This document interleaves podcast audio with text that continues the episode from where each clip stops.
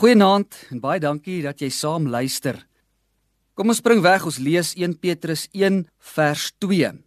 Soos God die Vader dit vooraf bestem het, het hy julle uitverkies en deur die Gees afgesonder om aan hom gehoorsaam te wees en besprinkel te word met die bloed van Jesus Christus.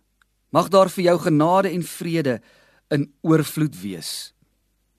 Die verhaal van die skepping in Genesis bied vir die naturalist geen logiese en rasionele antwoorde nie.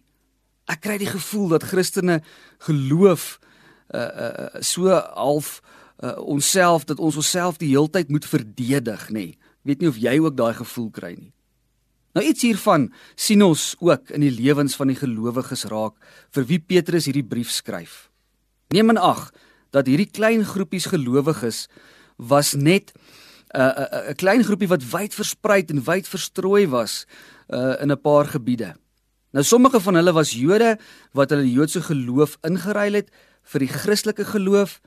Ander was ook uit die heidense nasies wat ander forme van geloof aangehang het. Nou onthou die Christelike geloof was nuut en vars en daarom was dit ook baie verkleinerend geweest vir die Jode uh, en ook vir die Romeinse ryk 'n manier wat hulle gebruik het om te sê hierdie nuwe geloof, nee wat, dit beteken niks. Jy kry amper die gevoel dat jy as 'n as 'n gelowige so amper ag sies tog, jy weet hierdie arme gelowiges wat nou in hierdie nuwe Christus glo. Nou Petrus skryf vir hierdie mense en dan bemoedig hy hulle en hy herbevestig weer die kernbeginsels van die Christelike geloof. Hierdie mense was so onder sosiale druk geplaas dat hulle eintlik net die Christelike geloof wou prysgee. Hulle het amper net twee opsies raak gesien. 1. Hulle laat vaar hulle geloof en gaan terug na hulle oorspronklike gelowe toe of 2. Hulle gaan amper onder grond en dan en dan gaan hulle in die geheim. Maar op hierdie manier gee hulle dan ook hulle hulle hulle roeping wat Jesus gegee het om getuies te wees in hierdie wêreld. Hulle gee dit dan prys.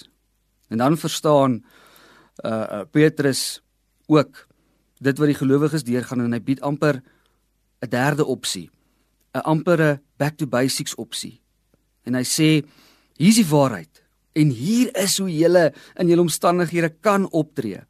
Hou moed en bly hoop in die waarheid wat aan julle gegee is al word julle onderdruk.